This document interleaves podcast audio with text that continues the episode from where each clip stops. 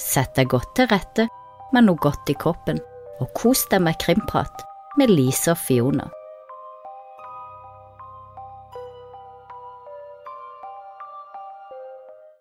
Velkommen tilbake til Krimprat med Lise og Fiona. Da håper vi alle har hatt ei riktig god påske og kost seg masse i den nydelige sola, som vi i hvert fall har hatt her i sør. Har du hatt ei fin påske, Fiona? Ja, kjempefin. Masse ute i sola på, i, i, i Rogaland, faktisk. Dratt Ja. til Hegelstad og Bjerkreim. Også min eh, gamle barndoms... eh, Eller jeg så på det gamle huset vi vokste opp i, på Jæren. Mm. Da jeg, vok Ja, altså, da jeg var ett til fem år. Mm. Det, hadde, det var sånn kommunalt hus. Det var forfalt, altså. Det var litt trist Å, ja. å se. Og en gang så føyka jeg jo ut forbi kjellertrappa der med sykkel. Og Ja. da fikk jeg vel Var det da jeg brakk kragebeinet, eller var det da jeg fikk brist på gjenskallen. Oi. I hvert fall en av de. Og da husker jeg Eller jeg husker det ikke, men min mor grein jo til, i telefonen til teknisk etat og fikk opp rekkverk. Og de rekkverka sto der ennå. De sto der ennå. Husker den trappa som mye lengre og brattere, men eh, ja.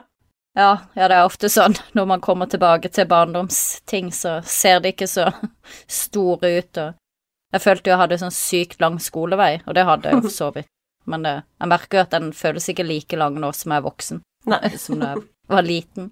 Så sånn er det. Og så har du jo publisert en ny podkast i påska, du, Fiona. Ja. Hørte hun podkasten? Vil du fortelle litt om den, eller?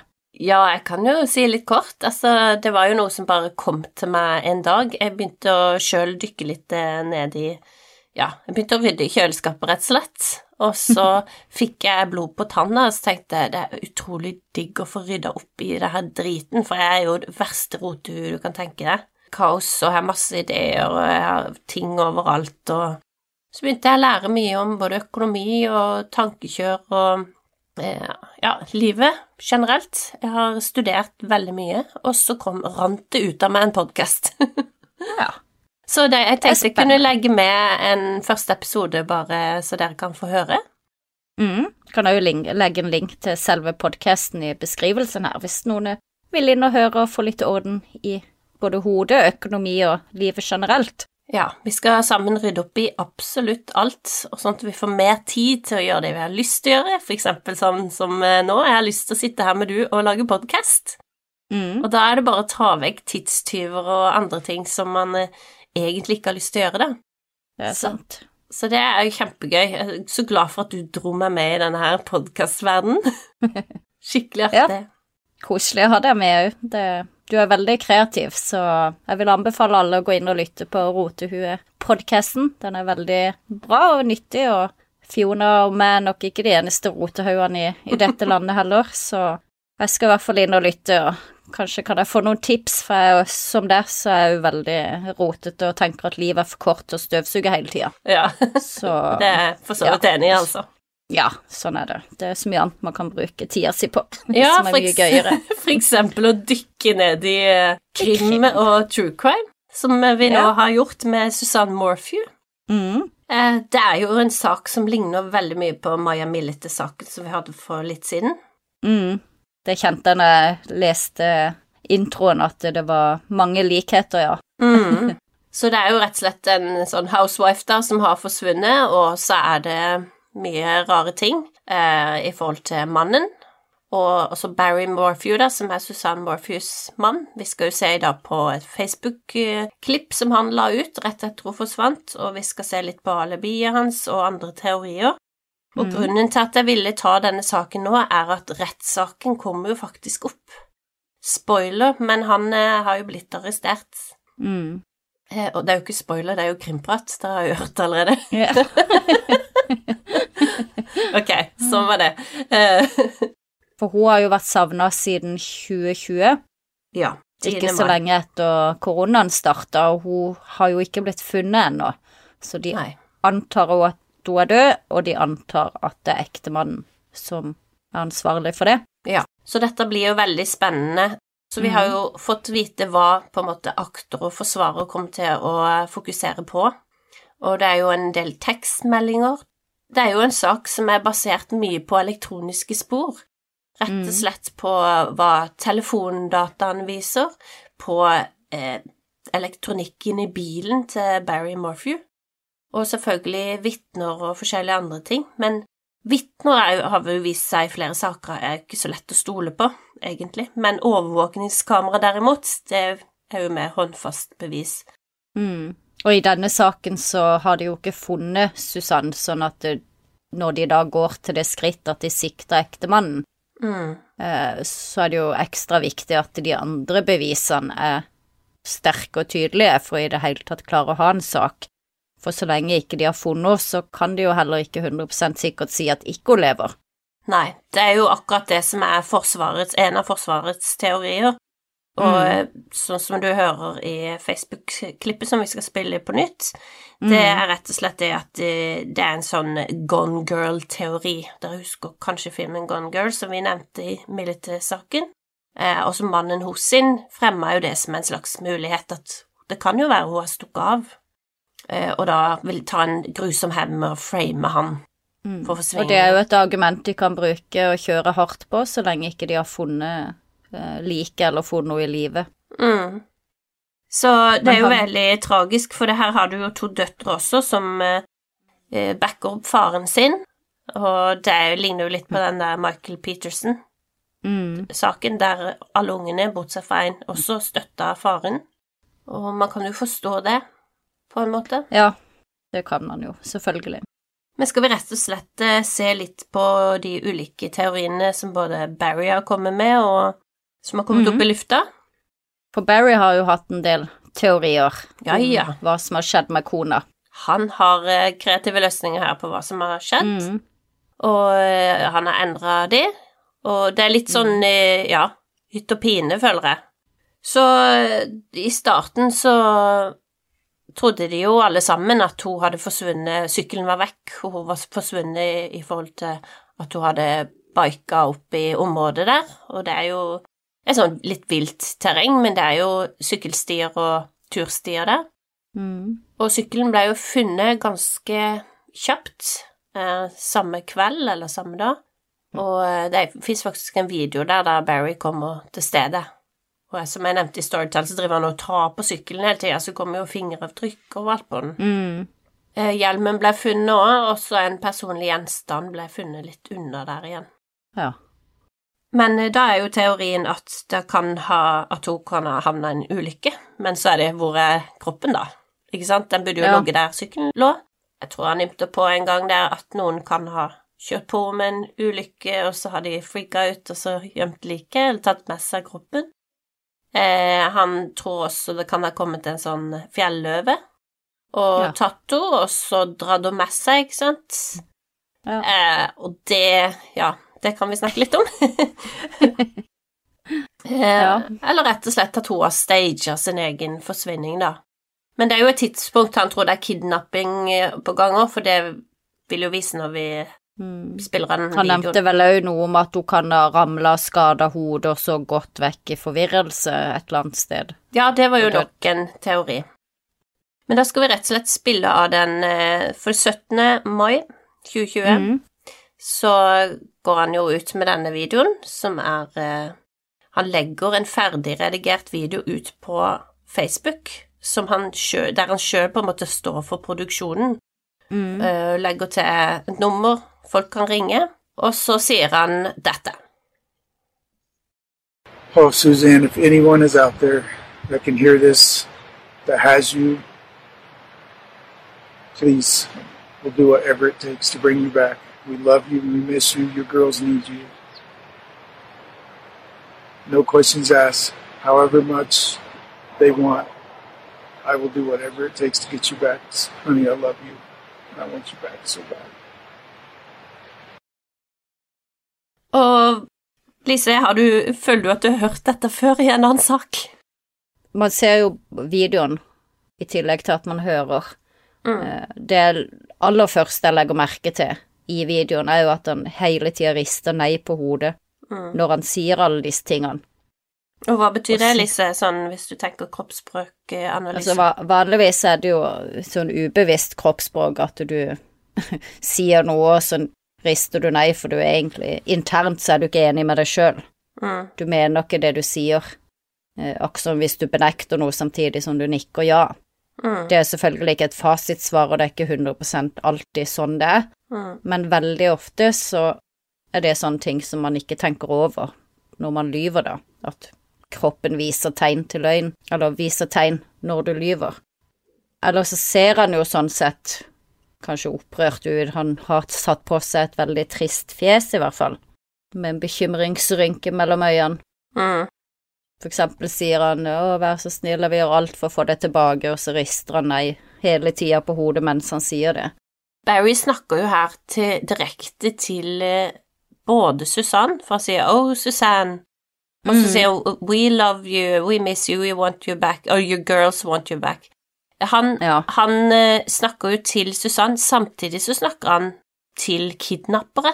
Så Mm. her tror han jo at det er noen kidnappere som har tatt henne, iallfall så skal det se sånn ut. Det er jo det som er litt spesielt med den videoen. Hvor ble det av den der eh, fjelløva, tenker jeg da. Mm. Eh, men Ja. han, han snakker eh, at han vil gjøre hva som helst eh, for å få henne tilbake, eh, og Ja. no questions asked. Nei da. Så Ja. Det som er vanlig, det er jo ikke lage en sånn video sjøl. Det som er vanlig, er å stille opp på en pressekonferanse eller sammen med politiet, sammen med kanskje døtrene eller noen i familien, og så snakker du til pressen, for du vil jo ha hjelp Mm. fra pressen. Det er sant. og sammen, ja, i forbindelse med at du også vil fremstå sjøl som en bekymra ektemann og som ikke har noe med dette å gjøre. Og I stedet for så Mm. lager han denne ferdiginnspilte videoen, og det er i hele tatt ganske uvanlig og absurd. Mm. Ja, det er jo det. Og den poster han jo på Facebook-sida si.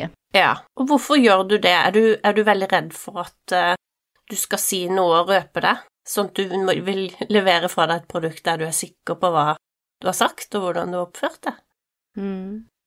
det, det må ligge en grunn bak der, og det tenker jeg var vel et av de største sånne her, eh, faresignalene der folk ble sånn Oi, Mm. denne ektemannen her, eh, det høres ikke bra ut, sa alle armdetektiv... eh, Hva heter det? Sofadetektivene våkna jo. Ja. Detektivene? Hva heter det? Armchair detectives, de våkna opp. Men han har, har han gitt noen andre intervjuer, han? Han har stilt opp, men trukket seg flere ganger, var det ikke? Det er kun denne Facebook-videoen som han har lagt ut, som Nei da, han stilte opp eh, et annet intervju, eh, Ok. og da eh, fikk de ikke lov å spille det inn, så de, det er liksom ikke noe Mm. opptak av det. Og så ville han ikke ha fjeset sitt der, så det var jo litt sånn eh, merkelig, da. Så derfor så har jeg ikke noe opptak av det.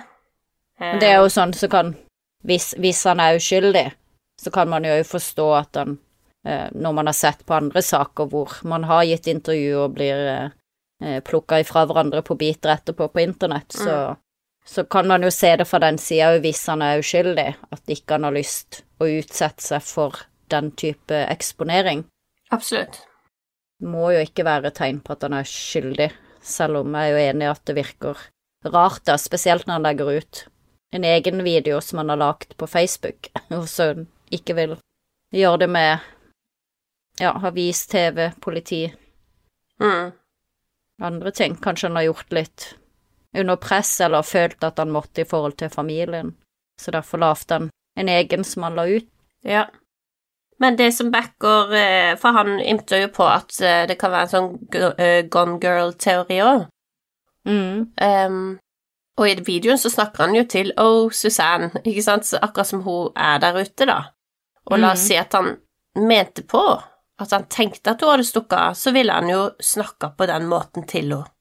Og så late som det var kidnappere, da. Og det han backer det opp med, altså det, grunnen til at han tror hun har stukket av, er jo at eh, eh, han mener på at det er vekk 75 000 dollar fra safen de har i garasjen. Altså han Ok. påstår at det er forsvunnet penger, men det er jo Hvem kan bekrefte det, liksom?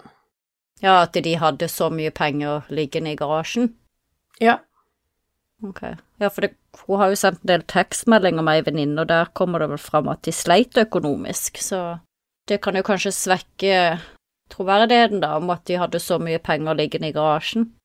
Ja, altså, det virker jo som han har fyra opp en hel haug med teorier, og så håper han en av de skal Mm. liksom catche, da.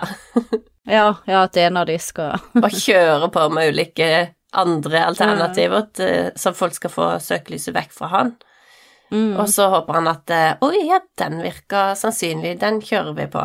Eh, Men det har jo ikke funka, fordi at han har jo blitt arrestert, og politiet har jo holdt eh, ja, bevisene, eller hva det kan kalle det, indisiene, tett til brystet, så vi har jo ikke fått rede på så mye før høringen kom. Nei.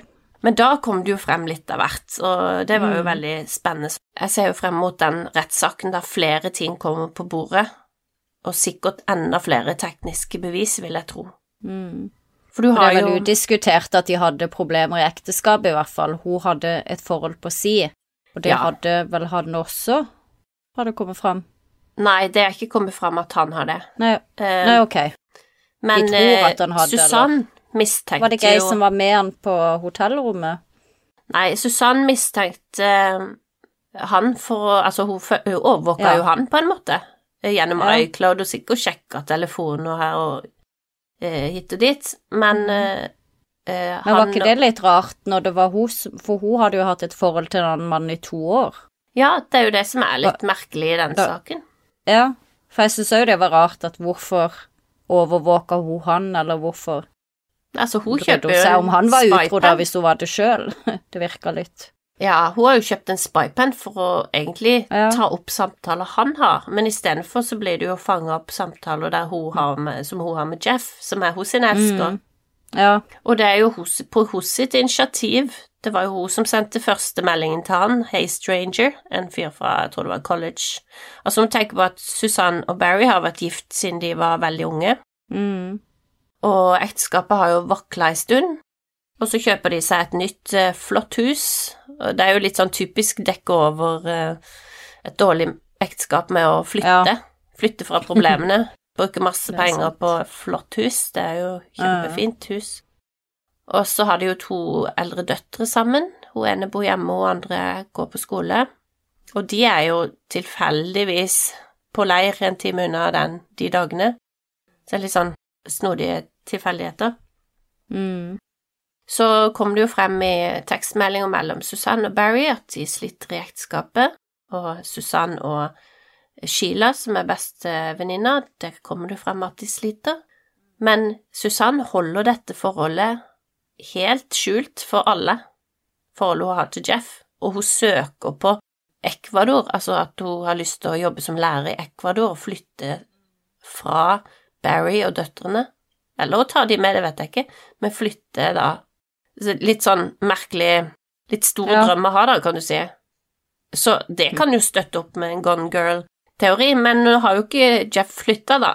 Oh, For han ble jo Nei. avslørt. Og han Når Susanne forsvant, så sa han ingenting om at Ja, for han, han var jo gift, han òg, var ikke det? seks barn og gift. Så han sa ingenting om at han eh, hadde et forhold til Susanne før politiet rett og slett fant denne spypennen. Og, Og da det er måtte jeg innrømme det. forståelig.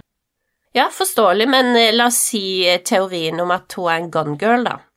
Stager at hun har eh, krasja eller eh, blitt tatt av en fjelløv eller hva, jeg vet ikke, litt dårlig staging. Men, eh, og så flytter hun til Ecuador.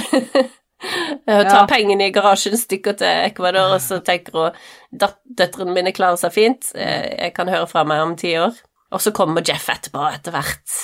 Ja, det må jo være det som er teorien, da, Ja, på en måte. jeg tenker jo at det er en uh, dårlig teori. Det er svært sjeldent at mødre forlater barna sitt på det viset. Ja, og så lar hun mannen bli arrestert, og så sitter de døtrene uten noen foreldre. Ja, og de hadde jo, hun hadde jo et nært forhold til døtrene, og hun er jo forelska i han her Jeff, og er i en skilsmisse, så kan ikke se at det er noen grunn til at hun bare skulle stikke av i to år og ikke gi lyd fra seg. Det tenker jeg eneste grunnen til at ikke man har hørt fra henne, er fordi at hun allerede er død. Mm.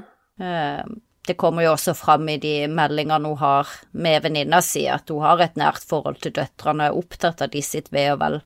Mm. Eh, Da skriver hun en del om at Barry er manipulerende, hu- humøret skifter, at han ønsker å få henne tilbake, at ikke hun skal skille seg, og mange ting som tyder på at eh, hun mest sannsynlig ikke bare har stukket av det og forlatt absolutt alt og alle. Men jeg tenker nok at dette ekteskapet består av to stykker som eh, ikke behandler den andre bra.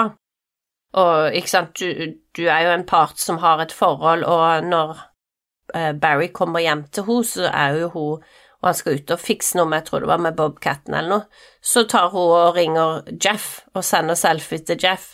Så det er jo, eh, det er jo et svik, ikke sant, så kan du tenke deg Barry på sin side, gjennom de tekstmeldingene som har gått fra han til Susann, så vil jo ikke han skilles.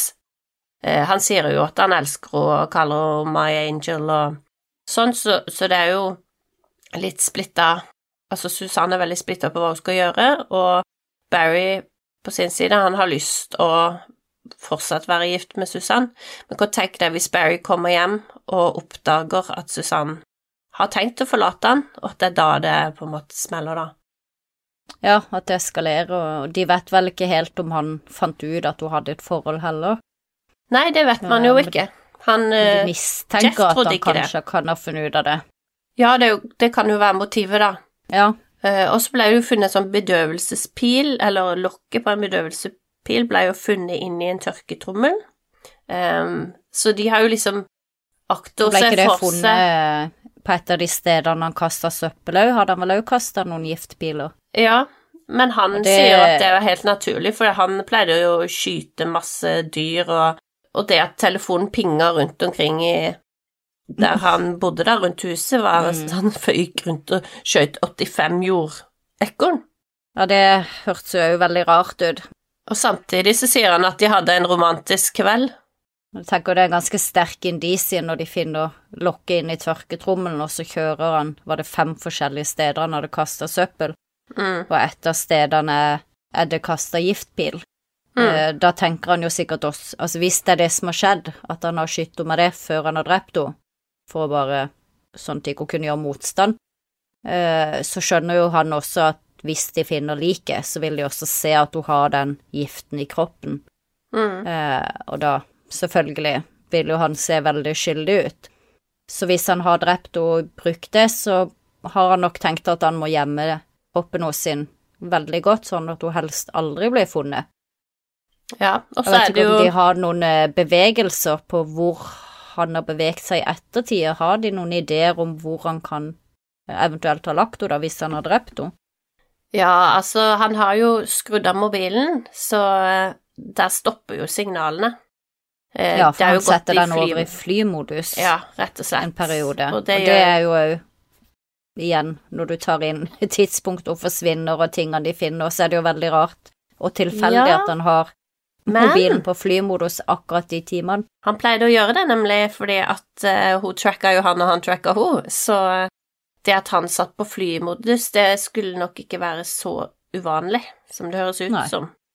Eh. Fordi at hun var jo også veldig på han, hva han holdt på med hele dagen, og hun hadde nok et mis en mistanke til at kanskje han hadde et forhold til Morgan som var kollegaen. Dette benekter jo Morgan, da. Hm. Så um, var det jo snakk om noe eh, arbeid som ble gjort med sement og sånn, så de, de undersøkte jo om uh, altså, Ja, altså hun lå under bli- der. Ja. Men de har jo ikke funnet noe. Nei. Nei. Så det er jo rett og slett en uh, sak som blir spennende å følge, og se hva slags politi, eller bevis politiet egentlig har, og hva Mm. forsvareren da kommer opp med som uh, skal hjelpe Barry ut av denne knipa. For de hadde noe sånn mobil som, eller et eller annet som viste at bildørene på bilen hans sin hadde Mm. blitt åpna og lukka flere ganger. Rygga tilbake Dette er jo både 9. og 10. mai er jo det veldig aktuelt å se på Mm. alle de bevegelsene i forhold til bilen, og hvor han sier han har vært, stemmer det med åpning og lukking av dører, og så. Og noe har jo kommet frem på høringen, men det kommer sikkert flere ting også frem nå som det blir rettssak. Mm. Så eh, da må vi følge med, så skal vi ta en update på denne saken. Mm, ja, det må vi gjøre. Og det blir jo spennende å se hvor døtrene står etter de får alle bevisene, for eksempel. Mm. Og om de i det hele tatt klarer å få dømt han. Eh, Og om de kommer kan til å jo komme vitne. fram ting som kan endre vårt syn også, tenker jeg. En vet jo aldri. Ja, Men eh, mm, absolutt. sånn som det ser ut nå, så, så ser han jo veldig skyldig ut. Ja. Og vi vet jo i sånne, sånne tilfeller så er det jo veldig ofte mannen Mm. som har tatt livet av kona. Og det er derfor den saken blir så lik eh, Maya Militer-saken, der har du også en mann, du har ikke noe kropp. Det er Mm. en dame som skal antageligvis forlate mannen, som er ganske kontrollerende, da. Og det var jo nettopp en artikkel på forskning.no eh, som kom veldig Det var ikke så lenge etter vi hadde gjort den Maya Militer-saken, som heter 'Derfor dreper menn partneren sin'. Mm. Og rett og slett den derre risikofaktoren. Altså, det er jo veldig sjelden det er motsatt. Eh, den derre, ja, ganske høye tall på partnerdrap. Mm. Ett av fire drap er partnerdrap. Ja, ikke sant. Og- Ja, det er ganske høyt. Ja, og det er jo i nære relasjoner, ikke sant? Mm. Og så er det hvordan kan man egentlig forhindre det? Det er ofte mye vold og rus involvert, og ofte så har det jo vært saker at eh, som har blitt på en måte anmeldt tidligere, eller at noen vet noe om det, men så blir det ikke gjort noe med det før det er for seint, da. Ja, og det er jo det. Følelsene tar overhånd, så skjer tragiske utfall i noen tilfeller. Ja. Eh, og det har jo ofte, som du sier, sammenheng med at de enten er utroskap, eller at de bare ønsker å gå fra de, eller, eller at den andre, sånn som i Chris Watts, da, at det er han som er utro og bare vil eliminere alle andre rundt seg, så han kan, man kan leve det livet de vil. Det var vel i den Scott Peterson-saken òg. Mm. Eh, der var det jo òg han som hadde et annet forhold, og så forsvant den gravide kona Mm. Convenient. rett før jul. Så, så det er jo sånn man ser går igjen i den type saker. Mm. Det er nesten som det er et slags æresdrap, på en måte, at de For det hender jo også at mannen Mm. begår mord, og så tar han livet av seg selv etterpå. At Ja. du Det er jo den type drap der du ikke vil at noen andre skal ha henne, hvis ikke jeg kan få henne, du skal iallfall ikke forlate meg.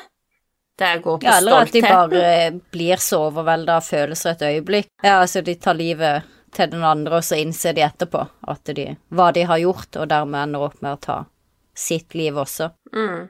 Ett av fire partnerdrap ender med at gjerningspersonen tar sitt eget liv etterpå den mordet, da, ifø- ifølge forskning.no. Ja. Så eh, Mm. ja, en liten risikofaktor der, eh, jenter. Mm. Ha noen med når eh, dere skal gjøre det slutt. Involvere andre. Eh, ikke det at det de fleste Kan være en risiko å gå ender fra med drap. Det kan det. Det kan eh, Men det er ofte kanskje en tendens tidligere, da, at du har en mann er, som er ve veldig kontrollerende. Man har som regel en anelse om hvordan vedkommende vil takle det hvis du gir beskjed om å gå fra det. det Ja. Da har det, som du sier, gjerne vært en forhistorie med sjalusi og kontrollering og både fysisk og psykisk eh, vold i mange tilfeller også. Ja, og det viser jo tekstmeldingen her mellom de to, at hun sier 'nå har jeg fått nok', på en måte, og han bare 'nei, nei, ikke gå fra meg, da tar jeg livet mitt'. Han truer jo med å ta sitt eget liv et par ganger. Ikke sånn direkte, men han hinter. Hinter Hinter til det. ja. ja, hinter kraftig, da. Ja. Og det bekreftes jo i de eh, meldingene som hun skriver, hun Susanne skriver med venninnene sine. Mm. Eh, for der skriver jo mye om det, at han har mye humørskiftninger, er veldig kontrollerende, eh, bruker mye manipulasjon, bruker ungene mye. Mm. Eh, og at ikke han ønsker at hun skal gå fra han. Han bruker vel også penger innimellom som en manipulasjon med å eh, true med å slutte å betale ting, og plutselig da skal gi de penger så de kan gjøre ting, hun og døtrene. Mm. Så det er jo tydelig at de har eh, problemer i forholdet. Og det virker ikke som noen av de egentlig har tillit til hverandre. Det virker ikke som hun heller har noe tillit til han. Nei, det er jo et uh, fucka forhold, for å si det rett ut. Det er jo et ødelagt forhold, og penger kan ikke kjøpe lykke. Det ser Nei, vi jo. Nei, det er sant. Så det er nok eh, De skulle nok gått fra hverandre for lenge siden, og så skjer dette her, da. Så vi skal holde hun gir jo også veldig uttrykk for at uh, Altså, de her døtrene, da. Hvordan han også manipulerer de, at, at hjertet hos sitt eh, gråter for barna i måten han oppfører seg på. Mm. Eh, så det er jo klart det er mye som har foregått bak eh, husets fire vegger mm, i dette huset før hun forsvant. Og i mars, det er jo bare et par måneder før hun forsvinner Det var mai hun forsvant, var det ikke det? mm. mai 2020, så tekster hun jo også med eh, venninna, og da sier hun jo blant annet at han hadde spurt henne eh, om hun prata med noen andre om ekteskapet de sitt, altså, og da tenkte han på venner og sånne ting. Mm. Og så sier venninna at hun må passe på at han ikke får se hos sin telefon, at hun må holde den med seg, Mm. og at han da han jo ikke vil snakke om skilsmisse, og at han har trygla om å få en ny sjanse, og hun forteller venninna at hun føler seg splitta i følelsene, men at hun innerst inne vet åssen han egentlig er, og derfor fremdeles ønsker å gå fra han, da. Så han virker å være veldig manipulerende og overfrod. Mm. Men det er selvfølgelig, da har vi jo bare hos sin side. Og, Ja, selvfølgelig. og det er jo klart at Det har vi eh, jo, men hun skriver jo også at eh, etter de har hatt krangler eller uenigheter, så sender, sender han også lange meldinger hvor han ber om unnskyldning og forteller hvor trist han er, at han syns det var kjipt han oppførte seg sånn, og mm. han skal skjerpe seg, og ja, Ja, vi har hørt den historien det er jo litt sånn eh, typisk trekk som går igjen, da, det er slå først, og så ber du om skyldning etterpå, og så slår du allikevel igjen neste gang. Mm. Det er jo en sånn som en kanskje kan ane har vært litt her, da. At det, de krangler, han ber om unnskyldning, han skal skjerpe seg, og så har de gått sånn i sirkler i, i mange år, kanskje. Mm. Hun skriver jo også skriver jo også til venninna at hun var ei eh, broken girl, altså og at hun eneste hun ønska seg, var stabilitet, og at ikke hun hadde noe selvtillit i forhold til hvem hun var, og, eh, og at han føler at de er et perfekt eh, ektepar så lenge ting går hans sin vei, da. At han får det som han vil. Ja, på papiret så kan hun se perfekt ut. Sosiale medier og, og alt sånt. Og hun sier at hun angrer mange ting med ekt ekteskapet, men så har de jo to døtre som er verdens fineste, og på grunn av de så angrer hun ikke at hun har vært gift eller er gift med han. Så det er ikke noe tvil om at hun i hvert fall bryr seg sterkt om familien, at hun er sjøl splitta i følelsene og ønsker å ut av forholdet, samtidig som det sikkert er vanskelig også. For uansett hvor slemme noen er, så blir man jo glad i dem etter så mange år. Man vet jo at de har gode sider også. Ellers så hadde de nok aldri vært gift hvis ikke han hadde positive sider også. Og det er jo det som gjør det vanskelig i sånne forhold. Men vi skal iallfall love oss å holde dere oppdatert. Og nå har jo den eh, Virker som den har vært utsatt noen ganger, men iallfall nå håper jeg rettssaken kommer i gang i mai, og da tar vi en liten update. Og så får dere jo nå anledning til å følge med. Hva tror du utfallet blir da av saken? Tror du han blir dømt, eller tror du han Jeg tror jo at eh, politiet sitter på flere bevis eller indisier som eh, til sammen vil nok eh, falle mot en dom, ja. Men eh, nå vet, har ikke alle opplysningene, så jeg vet rett og slett ikke. Det, det kommer an på. Så hvis du har et godt forsvar òg, så eh, så kan Ja, er jo. Altså, du skal jo bli dømt beyond reasonable doubt, og Mm. det sitter jo ikke en jury lenger uh, og avgjør. Så eh, så bevisene er jo veldig viktig i saken. Så det blir spennende å se, rett og slett. Hva tror du?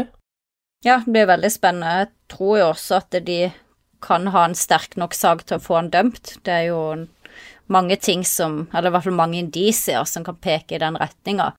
Eh, men så er det jo det når ikke de har funnet så er det jo alltid den at han kan bli frikjent fordi at de faktisk ikke kan si om hun er død eller ikke.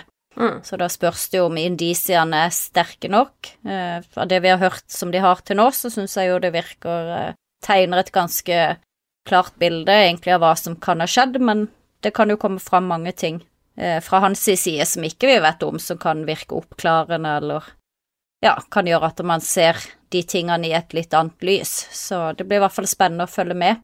Så får vi ta i oppdatering når rettssaken har gått ferdig, og den kan vel også ses på YouTube, kan den ikke det? Ja, jeg håper det. Jeg håper det blir sånn at eh, de viser den på kort-TV eller noe. Men det vet jeg ikke ennå. Vi får bare følge, Følge med. med og se. Mm. Ja.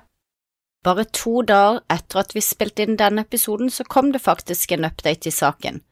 Eh, De har nå trukket saken mot Barry, og det blir ingen rettssak, og han går nå eh, fri. Grunnen til det er fordi at de ennå ikke har funnet Susanne. De føler at de begynner å nærme seg, at de kanskje kan finne henne snart.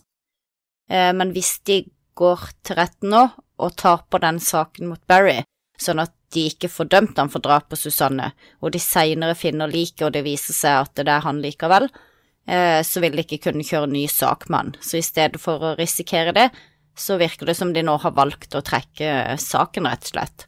Så da blir det ikke noe rettssak nå på YouTube, eh, så sender vi heller en update hvis de plutselig finner Susanne. Men det er sikkert lurt å, å vente til de har eventuelt enda sterkere bevis. Da høres vi neste uke til en eh, ny og kjent, skal vi si, en kjent sak. Mm, da skal vi jo prate om Brittany Murphys sitt eh, dødsfall, Mm, som var kjent skuespiller. det gjør vi. Så da er det bare å følge med neste uke, så får dere ha det fint så lenge. Ha det, vi høres! Har du et enkeltpersonforetak eller en liten bedrift? Da er du sikkert lei av å høre meg snakke om hvor enkelt det er med kvitteringer og bilag i fiken, så vi eh, gir oss her, vi. Fordi vi liker enkelt. Fiken superenkelt regnskap.